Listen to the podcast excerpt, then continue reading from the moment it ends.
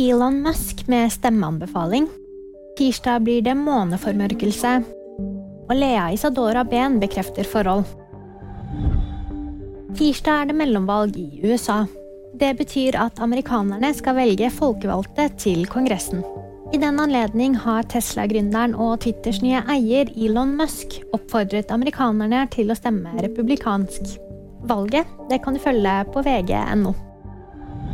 I morgen blir det måneformørkelse, men ikke alle får oppleve den, opplyser meteorologene.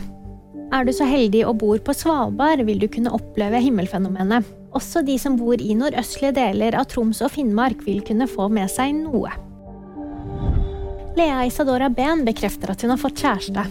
Til VG sier hun at de har vært sammen i noen uker. Hva er det beste med han? Veldig alt, egentlig. Bare sånn veldig mye. Det sa 17-åringen om kjæresten. Og VG-nyhetene fikk du av meg, Jamanpreet Gahr.